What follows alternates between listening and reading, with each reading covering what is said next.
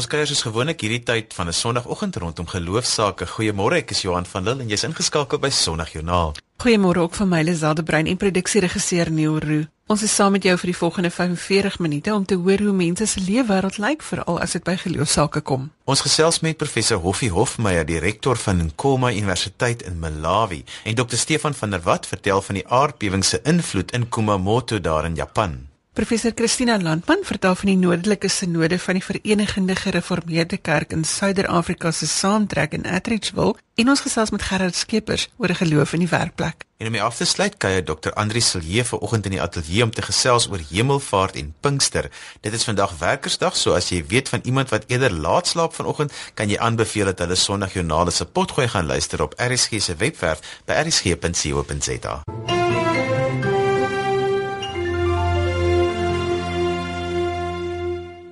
Die Verenigde Gereformeerde Kerk in Suider-Afrika se noordelike sinode het verlede week bymekaar gekom en professor Christina Landman sluit vanoggend by ons aan om te gesels oor die byeenkoms. Goeiemôre Christina. Goeiemôre. Christina, daar was heelwat van julle bymekaar in Atteridgeville. Vertel ons daarvan. Ons het besluit dat ons wil graag die mense van die noordelike sinode, dit is nou die ou Noord-Transvaal, bymekaar bring vir die uitsluitlike doel om saam te wees, te lof sing en mekaar beter te leer ken, mekaar te geniet, geniet om gelowiges te wees, geniet om God op 'n spesiale manier by ons in te nooi en natuurlik ook om fonds in te samel. En daarvoor het ons toe in die groot arena in Soulsville in Atteridgeville bymekaar gekom. Daar was 'n taakspan van Melodia Tswane. Dis nou die gemeente wie se kerk daar in Bosmanstraat staan, die bekende kerk daar behoort nou aan hulle en hulle was die taakspan wat dit georganiseer het. En hulle het daar was meer as 5000 mense. Daar was nie plek vir almal om te sit nie. En dit is omtrent ongelooflik om te sien want al die bedieninge het so bymekaar gesit. Weet die die vroue bediening dan was daar die die jeug en die manne bediening en dit was regtig 'n uh, 'n wonderlike byeenkoms net om daai sang te hoor, die samehorigheid gevoel en ons wil dit nou jaarliks doen. Die volgende byeenkoms sal dan Sulspoort wees, daar op pad San City toe. So dit is 'n ding wat ons elke jaar wil doen en dit was 'n diens. Dit was 'n diens, die mense het gesing. Hulle het 'n uh, eh, lied die gewone liturgie gehad. Ehm um, en dan is daar 'n preek deur die moderator Dr. Muraka en dan was daar ook nagmaal bedien. En dan het hy ook 'n stand van die noordelike sinode. Hoe dit in die noordelike sinode gaan, het hy aan 'n toespraak daaroor gelewer. Christina, hoekom is dit belangrik vir julle om hierdie byeenkomste te reël waar Christene so bymekaar kom of waar gelowiges so bymekaar kom? Dit was vir ons belangrik omdat ons 'n geweldige groot sinode is. Kyk, die uh, Verenigde Gereformeerde Kerk, die VGK, bestaan uit sewe sinodes. Die grootste sinode is nou die Kaap, maar ons is die tweede grootste sinode en ons is baie groot. Ons trek van Pretoria tot daar by die in Zimbabwe se grens en dan weer van Zeerust af tot deur by Mosambiek. So dis 'n geweldige groot sinode en ons loop mekaar nie altyd raak nie. En hierdie was wonderlik, die dominees het voorgesit op die verhoog voor en ons mekaar, ons sien mekaar nie so baie nie, mekaar weer te sien en dan saam te aanbid. Dit was regtig 'n belangrike uh, ervaring. Maar die idee was ook fondsinsameling in die sin dat ons wil graag 'n konferensiesentrum bou vir die noordelike sinode. Ons het nou 'n dienssentrum in Mamelodi, maar dit behoort nou nie aan ons nie. En en daarvoor het hulle vir elke gemeente gevra en ons het uh, 134 gemeentes in hierdie sinode het hulle gevra om 10000 rand by te dra. Nou sommige gemeentes is is arm, bitter bitter arm op die veral op die platteland wat uh, nie 10000 rand kan bydra nie. Hulle hele inkomste per jaar is 10000 rand. En daar's ander gemeentes wat net weer meer kan. So so het ons dan almal 'n bydrae gemaak, party meer, party minder. En op die dag was daar natuurlik ook fondsinsameling. Ek dink hulle het ehm um, uh, hier alleen 60000 rand ingesamel op daardie dag, die 17de April. En dan het hulle ook nog beloftes of pledges gekry van nog baie meer geld. So dit was 'n redelike insameling as jy weet dat van, van die mense is geweldig arm in die kerk. Jy weet dit is as jy sien dat iemand 10 rand daarin gooi, dan weet jy dit is soos die weduwee se twee geldstukkies wat sy daarin gooi. Baie van ons lede is is ehm um, uh mense wat in in huise werk, skoonmakers. So die bydrae wat hulle gemaak het, dit was wonderlik om te sien hoe hulle dit inbring. Christina, ek het 'n keuse van twee kerke om na toe gaan en ek dink dit vat my min of meer 3 minute of 2 minute om by die kerk te kom. Vertel ons van jou gemeente. Ek is predikant in die uh, township in Sakelwe uh, wat deel is van Dulstrom en Notweni. En dit is in Mpumalanga by Hoëveld. Ehm um, nou daar is dit omdat die kerk nou in die in die township self staan, is dit nie moeilik vir die mense om dit te bereik wat in die township woon nie. Maar baie van hulle is plaaswerkers en dit is nogal baie moeilik vir hulle om te kom. Ons het buitewyke wat baie ver is, soos 'n draaikraal daar in Mapogse naby Mapogse grotte. Dan het ons weer mense in Rooiklip en ehm um, Kareekraal wat baie baie ver moet kom. Partykeer is ons na die buitewyke toe gaan, dan is daar mense wat 15 km moet loop net om by die kerk te kom bring hulle kinders saam om te laat doop. Nou, toe ek nou die oggend ry na die convention toe, na die samekoms in hier in Soulsville Arena, het ek ook maar langs die pad mense gekry wat sit en wag vir taksies. Veral ehm um, huisbediendes uh, wat uh, dit wat natuurlik nie hulle eie vervoer het nie. En dit is dan baie lekker as jy sien almal was natuurlik in uniform en met die uniforms het ons mekaar uitgeken, mekaar langs die pad opgelaai om na hierdie konvensie toe te gaan. En dit is ongelooflik hoe trots mense is op die uniform wat 'n waardigheid dit hulle gee en wat 'n gevoel van samehorigheid dit is. En ek sê jy sê daardie 5000 mense of meer as 5000 was almal in uniform en dit was omtrent 'n gesig om te sien. Christina vir jou eie persoonlike geloofspad, vir jou geloofslewe, wat doen dit by jou om so bymekaar te wees? Ek is ehm um, die aktuaries van die noordelike sinode wat beteken ek moet die regsaake van die sinode hanteer en dan sien mense natuurlik nou baie keer konflik en so aan. Maar my gevoel is mense dat mense met hulle um, inheemse wysheid geweldige talente toon al is hulle nie self baie geleerd nie om probleme op te los en dis wonderlik om in daardie konteks en binne daai wil om probleme op te los saam met mense te werk. Ek dink ek was as ek mag sê daardie dag van die 17de April die enigste wit persoon tussen 5000 mense. Ek is ook die enigste wit dome, vroue dominee in in die hele kerk. Maar ek voel nie wit nie. Ek voel nie dat die aanbidding enigiets met kleur te doen het nie. Dis net hierdie ongelooflike gevoel van saamhoort van ehm um, dat God ons in sy hand hou, dat hy 'n doel met ons het en dat ons ehm um, tuis is dat hy ons nooit sal laat val nie dat hy altyd saam met ons sal bly. En daarvoor weet nie ek soek nie 'n ander kerk nie nie sommer nie. Ek sal nou maar altyd in hierdie kerk bly en ek voel baie tuis daar. Christina baie dankie vir die saamgesels vanoggend en dat jy 'n stukkie van jou lewe wêreld met ons gedeel het. Dankie Lisel het gesels met professor Christina Landman van Unisa en ook predikant van die Verenigde Gereformeerde Kerk in Suid-Afrika en soos jy gehoor het is haar gemeente naby Dulstroom. Goeiemôre as jy sopas ingeskakel het. Jy luister na Sondagjoernaal saam met Johan en Lisel. Professor Hofie Hofmeyer is rektor van die Nkoma Universiteit in Malawi en hy gesels vanoggend met ons oor die groei van die universiteit. Goeiemôre Hofie. Goeiemôre Lisel, lekker om saam met julle te wees. Hofie, jy het uh, ruk gelede, seker so 18 maande gelede met ons gesels oor die nuwe Nkoma Universiteit in Malawi. Hoe gaan dinge by die universiteit wat nou sekerlik nie meer so nuut is nie?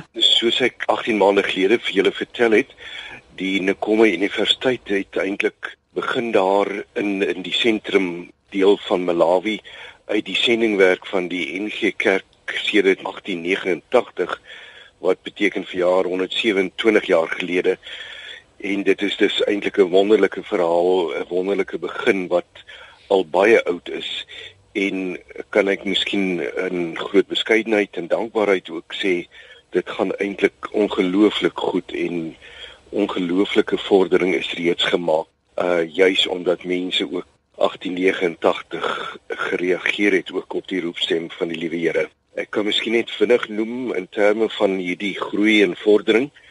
Ons het binne 2 jaar van 58 studente uh in die eerste jaar na 495 gegroei. Dit wil sê byna 8voudig. Ons dosente getal het van 5 dosente aan die begin binne dan die 2 jaar gegroei na 25 dosente ons het groot genade geluk dit beleef dat ons byna 2.5 miljoen rand van wonderlike goedgunstige skenkers ontvang het en dan miskien net die laaste in terme van die regte goeie nuus. Ons het 'n pragtige opvoedkundige kampus gerestoreer, die ou drukkersgebou van die Nekoma sendingstasie pragtig gerestoreer en intussen is dit ook nou in gebruik geneem. Dit wil sê eintlik is dit 'n wonderlike geloofsverhaal wat besig is om hier af te speel. Of dit klink vir my nou 'n baie positiewe verhaal. Is daar iewers waar jy stremminge ervaar of gaan dit net goed met die universiteit? Ons ver, uh, ervaar natuurlik uh, maar soos dit maar met alle mense gaan en alle menslike instellings inderdaad stremminge. Uh, mense het ook eintlik maar in Afrika te doen met 'n groot gebrek aan geloof, uh ook geloof in ondernemings, maar ook geloof in die spirituele sin van die woord, maar ook met 'n groot klomp afro-pessimisme. Ek wil vir jou eerlik sê dat hierdie verhaal is eintlik inderdaad 'n verhaal van geloof en ook inderdaad 'n verhaal van hoop. As dit oor geloof gaan, dan is dit eintlik maar 'n kwessie van dat uh die visie het dan 127 jaar gelede by hierdie sendlinge ontstaan om ook te luister na die wonderlike van die Pinkster boodskap van Handelinge 1 vers 8. En hulle het nooit ooit gedink dat dit so sal uitgroei en uitblom nie. Hulle het doodgewoon maar net gereageer op daardie woorde: "Julle sal krag ontvang wanneer die Heilige Gees oor julle kom en julle sal my getuies wees." Aan die ander kant moet 'n ou in Afrika ook maar altyd die afro-optimisme behou, Afrika hoop behou. En dis eintlik uh, op die dier eintlik die wonderlike ander verhaal wat ook hier afspeel. Dis uh as ek miskien maar dink net aan twee van die wonderlike Afrika mense ook uit Suid-Afrika en dan dink ek net aan byvoorbeeld Anton Rupert wat gesê het wie nie in wonderlik glo nie. En aan die ander kant die ewige Afrika optimus Christo Wiese die Wiese familie. Dan is dit soms beskaamend om te luister nie net na hierdie tipe van mense nie maar ook weer na die Afrika mense in terme van hulle wonderlike geloof ek kan vir jou sê in Malawi uh is daar regtig ongelooflike mense wat geweldige moed het oor al hierdie dinge. Hoe lyk die projekte waarmee jy besig is of het? Lisel, miskien net 5 dingetjies wat ek baie vinnig gaan doen. Eerstens net ons is tans na hierdie 2 2,5 jaar wat nou verby is, uh met 'n proses van konsolidasie aan die gang en ook opgradering ook inhoudelik in terme van ons kursusse en kwaliteit en so meer. Tweedens uh het ons onlangs van die kerk in Malawi uh die pragtige ou museum gebou as 'n geskenk ontvang wat ons gaan opknap enerzijds as 'n museum, verdens verder 'n klein kunsgalerytjie daar van Afrika kuns daar inrig en derdens gaan dit ook die basis wees juis nie net kultuur nie, maar ook natuur. Daar word ongelooflike skade berokken aan die berg direk agter die Nekoma sendingstasie in terme van bome wat afgekap word ter wille van oorlewing van mense en dit gaan dan die basis vorm hierdie museumgebouetjie uh van ons ekologie beskermingsaksie. Die derde ding eintlik maar net baie vinnig, die wonderlike saak van dat daar binnekort Nederlandse groep na Nekoma Universiteit kom en hulle gaan soos hulle by die hospitaal betrokke was, miskien ook by die universiteit betrokke raak. Vierde ding, miskien net uh, omdat die jare by my ook maar aanstap, sal ek waarskynlik volgende jaar op my 70ste maar begin uitbeweeg en dan uh gaan ons binnekort begin adverteer vir 'n nuwe betalende rektoraat tussen 2017 en 2020. Uh, en dan net die laaste en miskien op hierdie stadium die heel belangrike is dat ons weer vir 'n laaste keer via 'n bekende supermarkgroep boeke gaan neem na Malawi toe. Akademici wat in teologie, opvoedkunde, verpleegkunde en ook in ekonomie boeke het wat hulle nie meer kan gebruik nie afgetredenis. Hulle is baie welkom om voor ongeveer 20 Mei met my te skakel. Ons het verlede jaar nogal heelwat reaksie gekry op die boeke wat ons gevra het. Gee gou jou kontakdetails sodat mense wat wel van hierdie boeke het waarvan hulle wil skenk vir jou kan kontak. Lisel my selnommer 082 452 7778 0824527778 of my e-pos linhof l i n h o f by mweb.co.za. Hulle kan vir ons uh, dit teen Julie neem en mense moet teen uh, die 20ste Mei op die laaste met my kontak maak sodat dit dan in verskillende punte in Suid-Afrika versamel word en kosteloos deur hierdie supermarkgroep word dan teen Julie na Malawi vervoer. Hoffie baie dankie dat jy vanoggend weer 'n bietjie jou lewe met ons gedeel het en vir ons vertel het hoe dit gaan in Malawi. Dit was my groot voorreg gewees. Lekker dag vir julle ook. Lisel het gesels met professor Hoffie Hofmeyer van die Nkoma Universiteit in Malawi. Gaan kyk gerus in jou studeerkamer vir daardie boeke wat jy nie meer gebruik nie en miskien is daar 'n boks met boeke in die motorhuis waarvan jy al vergeet het. Nou hier's nou die geleentheid om dit te gee waar dit gebruik kan word. Die kontakdetail vir professor Hofmeyer is 082 377 2574 082 377 2574 en die e-posadres is linhof l i n h o f by mweb.co.za of skryf sommer net vir Lazelle e-pos as jy die kontakdetails soek en dit is Lazelle by www.media.co.za. Ons gesels geloofsaake tot en met die 8 uur nuus.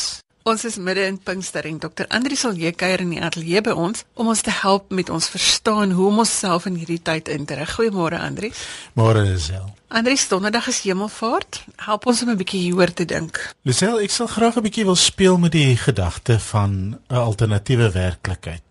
Ek dink wat gebeur met ons baie keer is dit ons dink aan hierdie werklikheid waarin ons lewe, die werklikheid van hoe die regering is, hoe die politiek loop, uh hoe die landsituasie is, hoe my eie lewe is. Ons dink daaraan as die enigste en die finale werklikheid.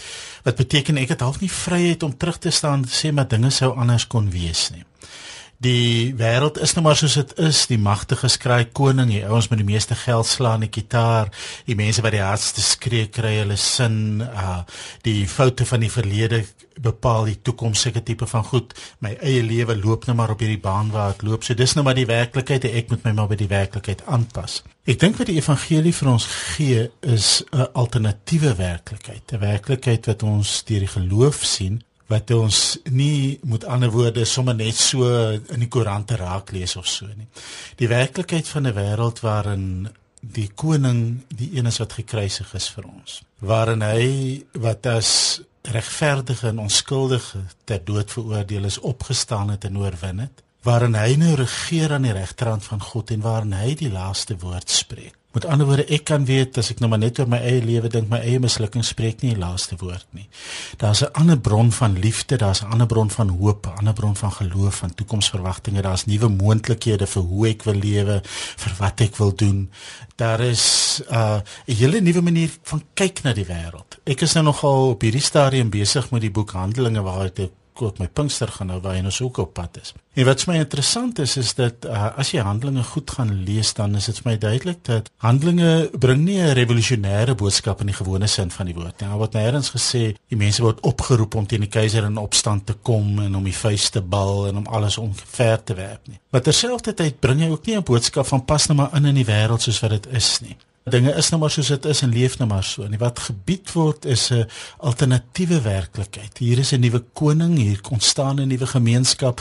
Binne hierdie nuwe gemeenskap kan ons op 'n nuwe manier met mekaar lewe. Ons hoef nie te klou aan wat ons het nie, maar ons kan mekaar deel. Ons hoef nie meer vir ons te steur aan die verdelings van die verlede tussen Samaritane en Jode sê nou maar nie of tussen Jode en Heidene nie. Ons kan daai verdeeldhede oorbrug selfs wat die skrif be betref. Hoef ons nie te dink dat die ou wette wat sekere mense ingesluit het en ander uitgesluit wat gesê het 'n ontmande is nie welkom in die vergadering van die Here nie of 'n heiden kan nie inkom nie. Dat daai goed die finale woord gespreek het want hier het 'n nuwe werklikheid tot stand gekom. Nou as jy vir my vra hoe ek myself daarop instel, dan dink ek is daar vir my net een manier en dit is dat ons het nodig om gereeld terug te staan uit die wêreld soos wat dit is ek dink ons laat te veel toe dat die media en nou vat ek die media in die breë. Vir ons die wêreld teken as ek ek dis hoe die wêreld is pas daarbey in. Eet dit of of stik nou maar daaraan. Uh, maar daar is nie 'n alternatief nie. Ek dink ons het nodig om terug te staan daar daarvan. Ons het nodig om onsself te verdiep in 'n wêreld waarin Christus koning is. Om te sê maar wat word nou moontlik in my eie lewe? En om dit dan te begin lewe. En natuurlik mense sukkel om dit te lewe en jy misluk daarmee en jy stoei daarmee, maar die wonder van hierdie wêreld is dat dit 'n wêreld is van oorbegin, van telkens nuut begin en nuut begin. So ek sou graag wou sien dat ons as gelowiges met hemelvaart in elk geval nou 'n bietjie stil word. Dis nou nie meer 'n vakansiedag nie, maar mense kan die oggend vroeg opstaan of jy kan die aand 'n bietjie tyd gebruik eers in die dag en net soos Paulus in Kolossense 3 skryf jou aandag vestig op die dinge daarbo wat nie beteken ons hardloop weg na die hemel toe en ons vergeet van hierdie aarde nie maar dit beteken dat ons ons hele lewe sien vanuit die lig daarvan dat Christus die vredevors, die vors van liefde, die vors van hoop dat hy koning is, dat hy regeer. En dat ek dan na my eie lewe gaan kyk en gaan sê, maar wat lyk vir my anders? Uh en hoe gaan ek probeer om anders te lewe? Hoe gaan ek aan my gesin, by my werkplek, in my alledaagse lewe anders lewe? Hoe gaan ek anders optree teenoor hulle wat in nood is, hulle wat behoeftig is? Hoe gaan ek my eie nood hanteer? Hoe gaan ek bereid wees om vir mense te sê maar ek het julle nodig. Julle het nie net vir my nodig nie, maar ek het julle nodig. Waar moet ek gaan saamlewe met mense met wie ek miskien andersins nie sou saamleef nie? Waar moet ek 'n pad loop saam met mense wat se wêreld en sy ervarings my vreemd is? Watter grense wil die Here hê moet ek oorsteek? En die wonder daarvan vir my is net van so terugtrek en as die hele Pinkstertyd dit kon wees, sou dit wonderlik wees dat so terugtrek kan beteken dat ek net weer myself as dit ware daai asemhaal en ruimte gee van die wêreld druk my nie in 'n blik nie, maar hier is nuwe moontlikhede, nuwe lewensmoontlikhede waarmee ek kan begin speel. Soveel goed waaroor ek jou 1000 vrae kan vra, maar dit is alwaar vir ons tyd het vanoggend.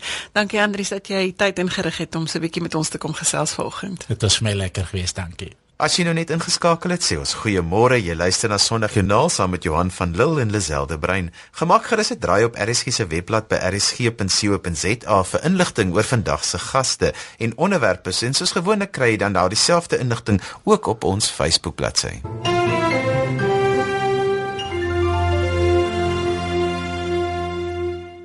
Die stad Kumamoto in Japan is onlangs deur 'n aardbewing getref en die gevolge daarvan kring diep en baie wyd uit. Dr Stefan van der Walt is van Missie Japan en hy sluit vanoggend via Skype by ons aan om te vertel van hulle werk in hierdie omgewing. Goeiemôre Stefan. Goeiemôre Lisel. Stefan, jy is in Kumamoto om te help in die omstandighede daar. Hoe erg was hierdie aardbewing? Dankie Lisel. Ja, dit was uh, vir die mense van Kumamoto en ook die Weier Eiland Kyushu, een van die groot eilande van Japan was dit 'n geweldige aardbewing geweest juis omdat in hierdie omgewing dit nie verwag is nie. Uh, rondom Tokio en ander dele van van Japan uh, en dan nou die groot aardbewing 4 jaar gelede naby Sendai uh, is is die areas waar dit nou voorspel was en en en beleef is.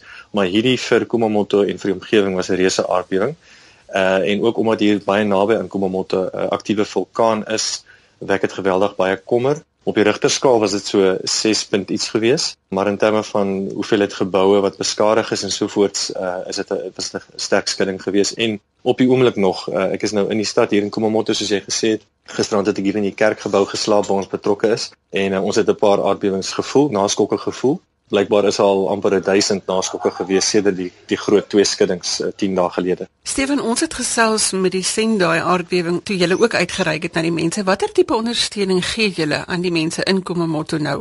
Dankie Lisel, ek wil net so 'n bietjie agtergrond gee rondom as ons nou sê ons is betrokke by die kerk en hoe ons ondersteuning gee. Wat eh, en hoe is die kerk in Japan? Japan is 'n nasie met min of meer 1% Christene. Met ander woorde, die kerk is uh, 'n baie klein deel van die samelewing. Dis nie soos in Suid-Afrika waar dit baie sigbaar is nie. En daarom is dit vir ons belangrik om te help om die kerk op 'n manier sigbaar te maak in die samelewing deur ons betrokkeheid hier. So hieso is op die oomblik geweldige ontwrigting, angs, onsekerheid en verlies in mense se lewens. Uh, so ons uh, is betrokke by die kerk om op 'n manier by 'n plaaslike gemeente hier in Kumamoto ondersteuningswerk te bring deur spesifiek uh, as vrywilligers te kom. Ons het nou gister hier aangekom. Ons is vir 5 4 5 dae hierso en die plaaslike gemeente hierso te ondersteun in hulle uitreik na die gemeenskap. Uh, Daar's vele gemeentes vanuit die land uh van hierdie Form Church in Japan soms wie ons spesifiek werk uh wat uh geweldig baie uh noodsaaklike middele van water en kos tot doeke vir kinders en wat ook al op die oomblik nodig is vir mense wat in 'n krisis is en nie by winkels kan uitkom nie of winkels wat nog nie goedere het nie te ondersteun. So ons is besig om daai goed af te laai uit die trokke uit. Ons is besig om die plek skoon te maak, die goederes uit te pak, mense in te nooi na die kerk en vir hulle te help om dinge te kry wat hulle nodig het eh, op op die eerste vlak van ondersteuning, maar ook bietjie verder en dieper natuurlik kom die mense wat wat in die kerk intree uit hierdie ervaring van geweldige skok en ontwrigting. So dit is mense wat uh vol angs en onsekerheid is en ons is dan hier om ook na hulle te luister in die eerste plek, om veral te hoor wat hulle wil oor en oor vertel wat hulle beleef het. Uh geweldige aangrypende verhale word vertel van hoe uh mense moes letterlik vlug vir hulle lewe of uh hulle kinders uit die huis uit trek of op 'n manier net skuilings vind uh, vir dae lank in hulle karre moes slaap of nou nog, jy weet, uh weet van mekaar vervreem is as gevolg van die situasie as families verskeer is en ensovoorts. So ehm um, daar's 'n klomp realiteite waarby 'n mens betrokke raak as jy net intree en luister. So ons ons werk is hier om om om die plaaslike gemeente te versterk, by mense trok, betrokke te raak en te hoor hoe kan ons ook op die langer termyn, medium en langer termyn nou volgende stappe neem. Stefan uit die aard van die saak is jy nou betrokke met mense daar. Hulle het seker stories wat hulle met julle wil deel. Ja, seker. Uh, Lisel, dis aangrypend om te luister. Ehm um, op die stadium as 'n mens in die strate rondry, uh, sien jy dat die lewe min of meer bietjie normaliteit begin terugkry en mense terugkeer alhoewel daar nog 60000 mense in skuilplekke is en nog nie by hulle huise is nie, is daar baie wat al terug is. Maar wat onsigbaar is is in die stories wat jy hoor as jy nou een tot een met mense gesels en ja, daar is mense wat kom vertel vir ons geweldige dinge wat hulle deurleef het. Uh, een man het ek gister mee gesels het drie dogters in die huis en uh, hy het vertel hoe hy moes skarrel om hulle te probeer uit die huis uit kry te midde van die skudding wat uh, hulle van hulle voete afgeslaan het saam met die letterlik twee katte ook nog wat hy uit die huis uit moes kry om om net uit te kom en veilig te wees. En uh die een dogter het 'n geweldige angs probleem en um, kan al vir die afgelope 10 dae omtrent glad nie in die nag slaap nie want die die naskokke duur voort. So daai onsekerheid waarmee sy leef en waar hulle in hulle huis leef, die die stres soos hy vir my genoem het wat opbou en opbou. Die skole is op die oomblik gesluit. Dit gaan eers weer oor 2 weke of 3 weke oopmaak. Dit is vir baie as soos hy, jy weet, en vir die dogters uh, en spesifiek die een wat wat swaar met die angs, jy weet, sukkel. Um 'n geweldige uitdagende tyd en en 'n mens sien ook uh, en ek hoor ook in baie ander verhale dieselfde temas wat mense vertel rondom die skok en die stres wat hulle net 'n kanaal soek om iets daarvan te kan deel, maar ook dan nou baie keer met konkrete hulp soek om om so 'n situasie te ontlont. Stefan, dit is nou ook so dat mense is kwesbaar, maar veral sekerlik ou mense en kinders. Ja, nee, dit is wat ons duidelik sien uh dat die in die mense wat hier na die kerk toe kom, is dit veral ouer mense wat geïsoleer is, wat nie by uh, jy weet winkels nou kan uitkom nie uh, en wat baie lewensmiddels nog nodig het maar ook kinders. Ons het spesifiek nou gekom van die kweekskool af waar ek nou werk, het ek eh, drie studente saam met my gebring. Die een is was vroeër 'n verpleegster gewees. Die ander twee studente is baie goed met kinders, so hulle speel met die kinders nou by die kerk, help hulle ontlaai. Ek was sopas by 'n skuilplek gewees waar ehm um, ek met 'n familie gestaan en gesels het 'n vrou wat vier kinders het uh wat ongelooflike jy weet energie het om uit te laat ek kan sien die manier waarop hulle met my speel en ons het nou net omtrent laf geraak en mal gegaan om om bietjie van hulle energie uit te kry. Maar ja, die die kinders is broos, die ou mense veral die wat geïsoleer is is baie baie broos. Ehm um, en en uh dit is baie moeilik om te weet wie watter behoeftes het en hoe om daai behoeftes te beantwoord en daaroor kan die kerk instrumenteel wees om om in die klein straatjies hierso in die agterstraatjies in te gaan by huise uit te kom in die omgewing en dis jy's ook wat ons môre gaan aanpak om sulke behoeftes identifiseer en op die langer termyn by sulke mense betrokke te raak.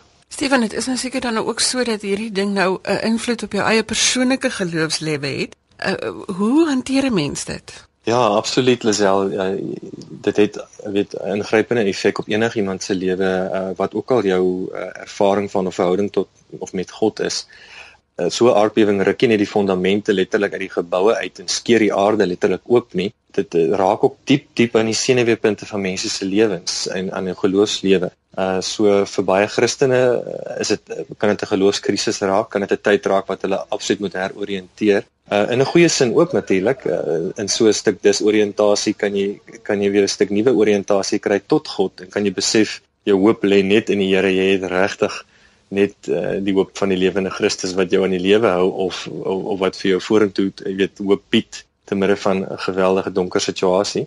So vir sommiges gaan dit dit beteken. Uh vir my persoonlik wat betrokke by is by hierby by hierdie tipe van werk, is dit is dit nou al die tweede ronde in Japan hierdie tipe van ervaring en is dit my ervaring dat uh jy weet om om deel van 'n Christen geloofsgemeenskap te wees, een Christen wat met ander Christene en enigiemand wat hier by die kerk kom betrokke te raak, is 'n geweldige 'n voorreg en en dit herinner my aan aan aan wat beteken lewe regtig en wat is prioriteit in die lewe en 'n mens word gekonfronteer met met dood ook, jy weet in die prosesse met verliese met 'n klomp dinge. So dit het my geloofslewe dink ek op 'n manier verdiep uh die die waarde van die liggaam van Christus wêreldwyd vanuit Suid-Afrika hulp wat kom ons wat nou deel is van Missie Japan wat ondersteuning kry gebed en finansiëel om hierdie projekte te doen vanuit Suid-Afrika.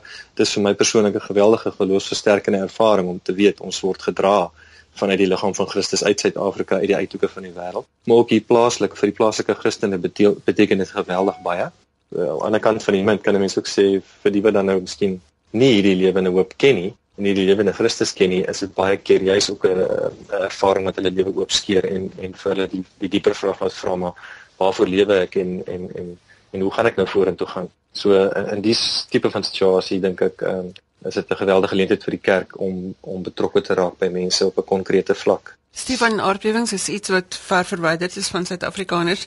Wat is daar wat ons tasbaar kan doen om vir die mense in Japan by te staan? Ek het nuus uitgestuur uh, via my kring van nuuslyste en so en wat ek nou maar nuus deel van Missie Japan En as mense wil meer eh, weet rondom hoe hulle betrokke raak by die kerk se werk hier ook dan nou via Missie Japan se netwerk, is hulle baie welkom om op ons webtuiste te kyk. Uh, dit is by www.missiejapan.co.za. Uh, en daar sal hulle meer inligting kan kry oor hoe om finansiëel betrokke te raak by hierdie tipe van projek of om as gebedsondersteuners ook meer inligting te kry oor waarvoor om te bid in die situasie. So ek dink dit is miskien die, die beste uh eerste vertrekpunt om inligting te kry is rondom die Japan se webtuiste. Stefan sterkte met die opruimingswerk daar en dankie dat jy 'n stukkie van jou lewe wêreld met ons gedeel het vanoggend. Baie dankie Lisel, ek waardeer dit. En so gesels Dr. Stefan van der Walt uit Kumamoto in Japan. Die webwerf inligting vir Missie Japan is www.missiejapan.co.za. Jy's ingeskakel op Sondag Joernaal waar ons godsdiens en geloof gesels en ons nooi jou uit om saam te gesels op ons SMS-lyn by 34024 teen 'n rand per SMS of jy kan vir Lazelle e-pos stuur by Lazelle met 'n Z by vvmedia.co.za. Nou voor ons groet met ons eers by Gerard Skeepers hoor oor hoe hy dit regkry om geloof by die werkplek te integreer. Dis werkersdag vandag. Môre is 'n vakansiedag. So as jy so gelukkig is om te kan rus, moet jy die tydjie darm ten volle geniet. Gerard Skeepers met sy eie besigheid in huisluit vanoggend saam met Frik van Rensburg van die Christian Business Connection by ons aan. Môre Gerard? Goeiemôre. Môre Frik? Goeiemôre. Gerard, dis 2016. Baie dinge het verander in die werksomgewing. Hoe kry jy dit reg om geloof in jou besigheid elke dag bymekaar te bring? Disel dit is ek dink is 'n uitdaging vir enige sakeman want ehm um, dit hang af van jou omstandighede, dit hang af van die grootte van jou besigheid, hoeveelheid mense wat jy het, die probleme wat jy mee sit in besigheid. Gelukkig het ek 'n ehm 'n klein na medium besigheid toe ons het nie baie probleme want ek sien baie keer met met mense wat met unies en sulke goed sukkel maar die ding is is hoe leef jy as Christen uit om daai probleme die hoof te bied? En ek moet vir jou sê as dit nie my geloof in Christus is en dat ehm um, Jesus my basis is nie is dit moeilik. Want daar is uitdagings en goed van hoe jy jou dag hanteer jou beplanning doen dinge hardloop skeef ehm um, goed word nie afgelewer wat ook al. En weet jy wat ehm um, ons mense hou ons dop ons is ambassadeurs vir Christus daar. En dis die eerste ding wat uh, wat uh, vir my belangrik is. Waarna kyk hulle is hulle vir Gerrit Skeper sien. sien hulle man van integriteit is my woord, my ja, my ja, my nee, my nee. Het ek passie vir my mense, uh, liefde daaruit wat met my hart kom om omgee vir wat hulle doen, wie hulle self is. Hulle sien nie ontnommers nie. Ek glo regtig in jou besigheid is jou werkers jou beste bate. En ek dink die uitdaging is hoe pas jy dit toe daar dat hy belangrik voel en sy belangrik voel. Uh, hanteer jy hulle met respek sodat hulle jou met respek kan hanteer. En dis my baie belangrik. Ek is ek is 'n praktiese mens. Ek hou daarvan om veel te raak op die fabrieksvloer uh, ook om betrokke te raak by hulle. Um, as hulle op site is daar te gaan ehm um, werk saam met hulle en ja, dit is ek dink jy leer jou mense ken wanneer jy die pad saam met hulle stap. So ek maak maar 'n uh, gewoonte daarvan om by persele uit te kom, te gaan kyk wat die ouens doen, meer intens in hulle in te bou want ons doen opleidings soos aangaan en goed, maar geestelik dan ook. Jy weet, hoe gaan dit by jou huis? Hoe gaan dit met jou en jou vrou? Hoe gaan dit met die verhouding? Want ek vind net dat ek dink my verhouding met my vrou by die huis, my omstandighede kom deur na my werk toe. Hulle sien dit raak die manier wat ek met haar oor die telefoon praat wanneer sy dalk inbel of my, my as my kinders iets gedoen het wat miskien nie my ge, geval het nie, hoe hanteer ek dit? So uh, ons moet nie fout maak as besigheidsman en jou mense hou jou dop. As Christen kan jy nie meer hier onder die radar nie en ek dink dit gaan met integriteit en respek is vir my twee belangrike feite. Jou besigheid is vir my so sinvol want jy werk met kweekhuise en mens kweek eintlik maar ook hierdie ding van om jou geloof uit te leef, nê? Nee? Dis absoluut. Jy weet daai elke saaitjie wat jy saai daar val iewers op baie grond. Ek vertrou altyd. Ek is ek is baie sterk op dit ons soggens ehm um, bymekaar kom vir stilte tyd. Ons begin ons dag so. Want vir my, ek het net besef, ek kan hulle nie uitstuur as daar nie beskerming oor hulle gebid is nie. As elke ou nie of hy nou op 'n leer gaan staan of waar al gaan werk en dit het nogal by hulle ook ingekom. Hulle kom staan en sê luister, ons ons bid ons verry. So dit raak vir my belangrik. En dan die ander ding is hoe, hoe belangrik is hulle self daar ook. Daai saadjie wat jy saai, wat 'n uh, uh, wat kom daar uit? Uh, hoe groei hulle? En ek dink om by my is dit om eerlikheid te skep by hulle dat hulle weet ek hou daarvan. Loop in eerlik as jy fout gemaak het kom sê jy het dit gedoen. En ek moet dieselfde van my kant af kan doen. Jy weet dan om verskoning kan vra. En ja dis dis belangrik. Ons moet daai dinge wat ons sê wat ons graag gedoen wil hê met ons kan toepas en hulle sal dit doen. Frik, julle by CBMC ondersteun sakemanne in hulle besighede. Hoe doen julle dit? Lisel vir ons gaan dit daaroor en sê elke sakeman het die potensiaal om reg en geregtigheid te laat geskied, om korrupsie te te werk en om naaste liefde uit te leef. En ons glo in CBMC om die manne te ondersteun daarin om hulle te help om elke persoon wat sê hy's 'n Christen, 'n aktiewe Christen te maak en laat dit 'n lewens wyse is. Ons glo as jy dit uitleef, dan gaan dit die beste impak hê op die mense rondom jou. So in CBC uh, streef ons daarna om die manne te ondersteun om met uh, Bybelstudie en met uh, opleiding te help om sy kristendom uit te leef en dit nie in kompartemente te sit nie, maar dit 'n lewenswyse te maak. Ons glo dat die Christen in die land is die latente potensiaal wat daar lê wat totaal die land kan transformeer.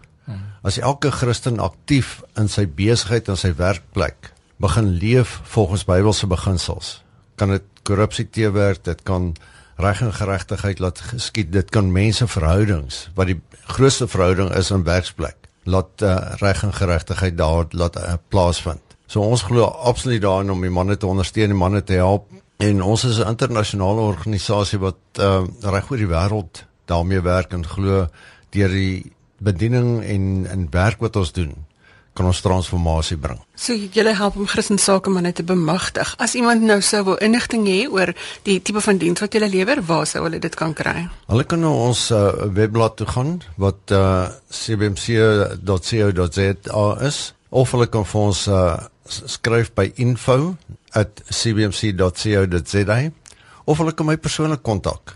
My persoonlike telefoonnommer is 083 738 0542. 083 738 0542 of my net persoonlike brief in die pos gooi wat baie maklik is. frik@cbmc.co.za en CBMC is net Christian Businessmen Connection. Ons sal baie graag met hulle kontak maak en met hulle inskakel. Ons het groepe en spanne reg oor die land wat uh, werk. So ja, ons sal baie graag met enigiemand kontak maak. Ja baie dankie manne dat julle vanoggend hier by my in die ateljee kom gesels het. Die inligting wat Frik deurgegee het is die webwerf is cbmc.co.za of jy kan vir my e-pos stuur by info@cbmc.co.za en die telefoonnommer is 083 738 0542. Baie dankie dat julle so stukkie van julle lewe wêreld met ons gedeel het vanoggend. Dit is wonderlik baie dankie. Baie dankie Lisel, baie dankie vir die geleentheid. En daarmee dan weer tyd geword om tot siens te sê. Ek groet tot later vandag vir ons in die onderwys,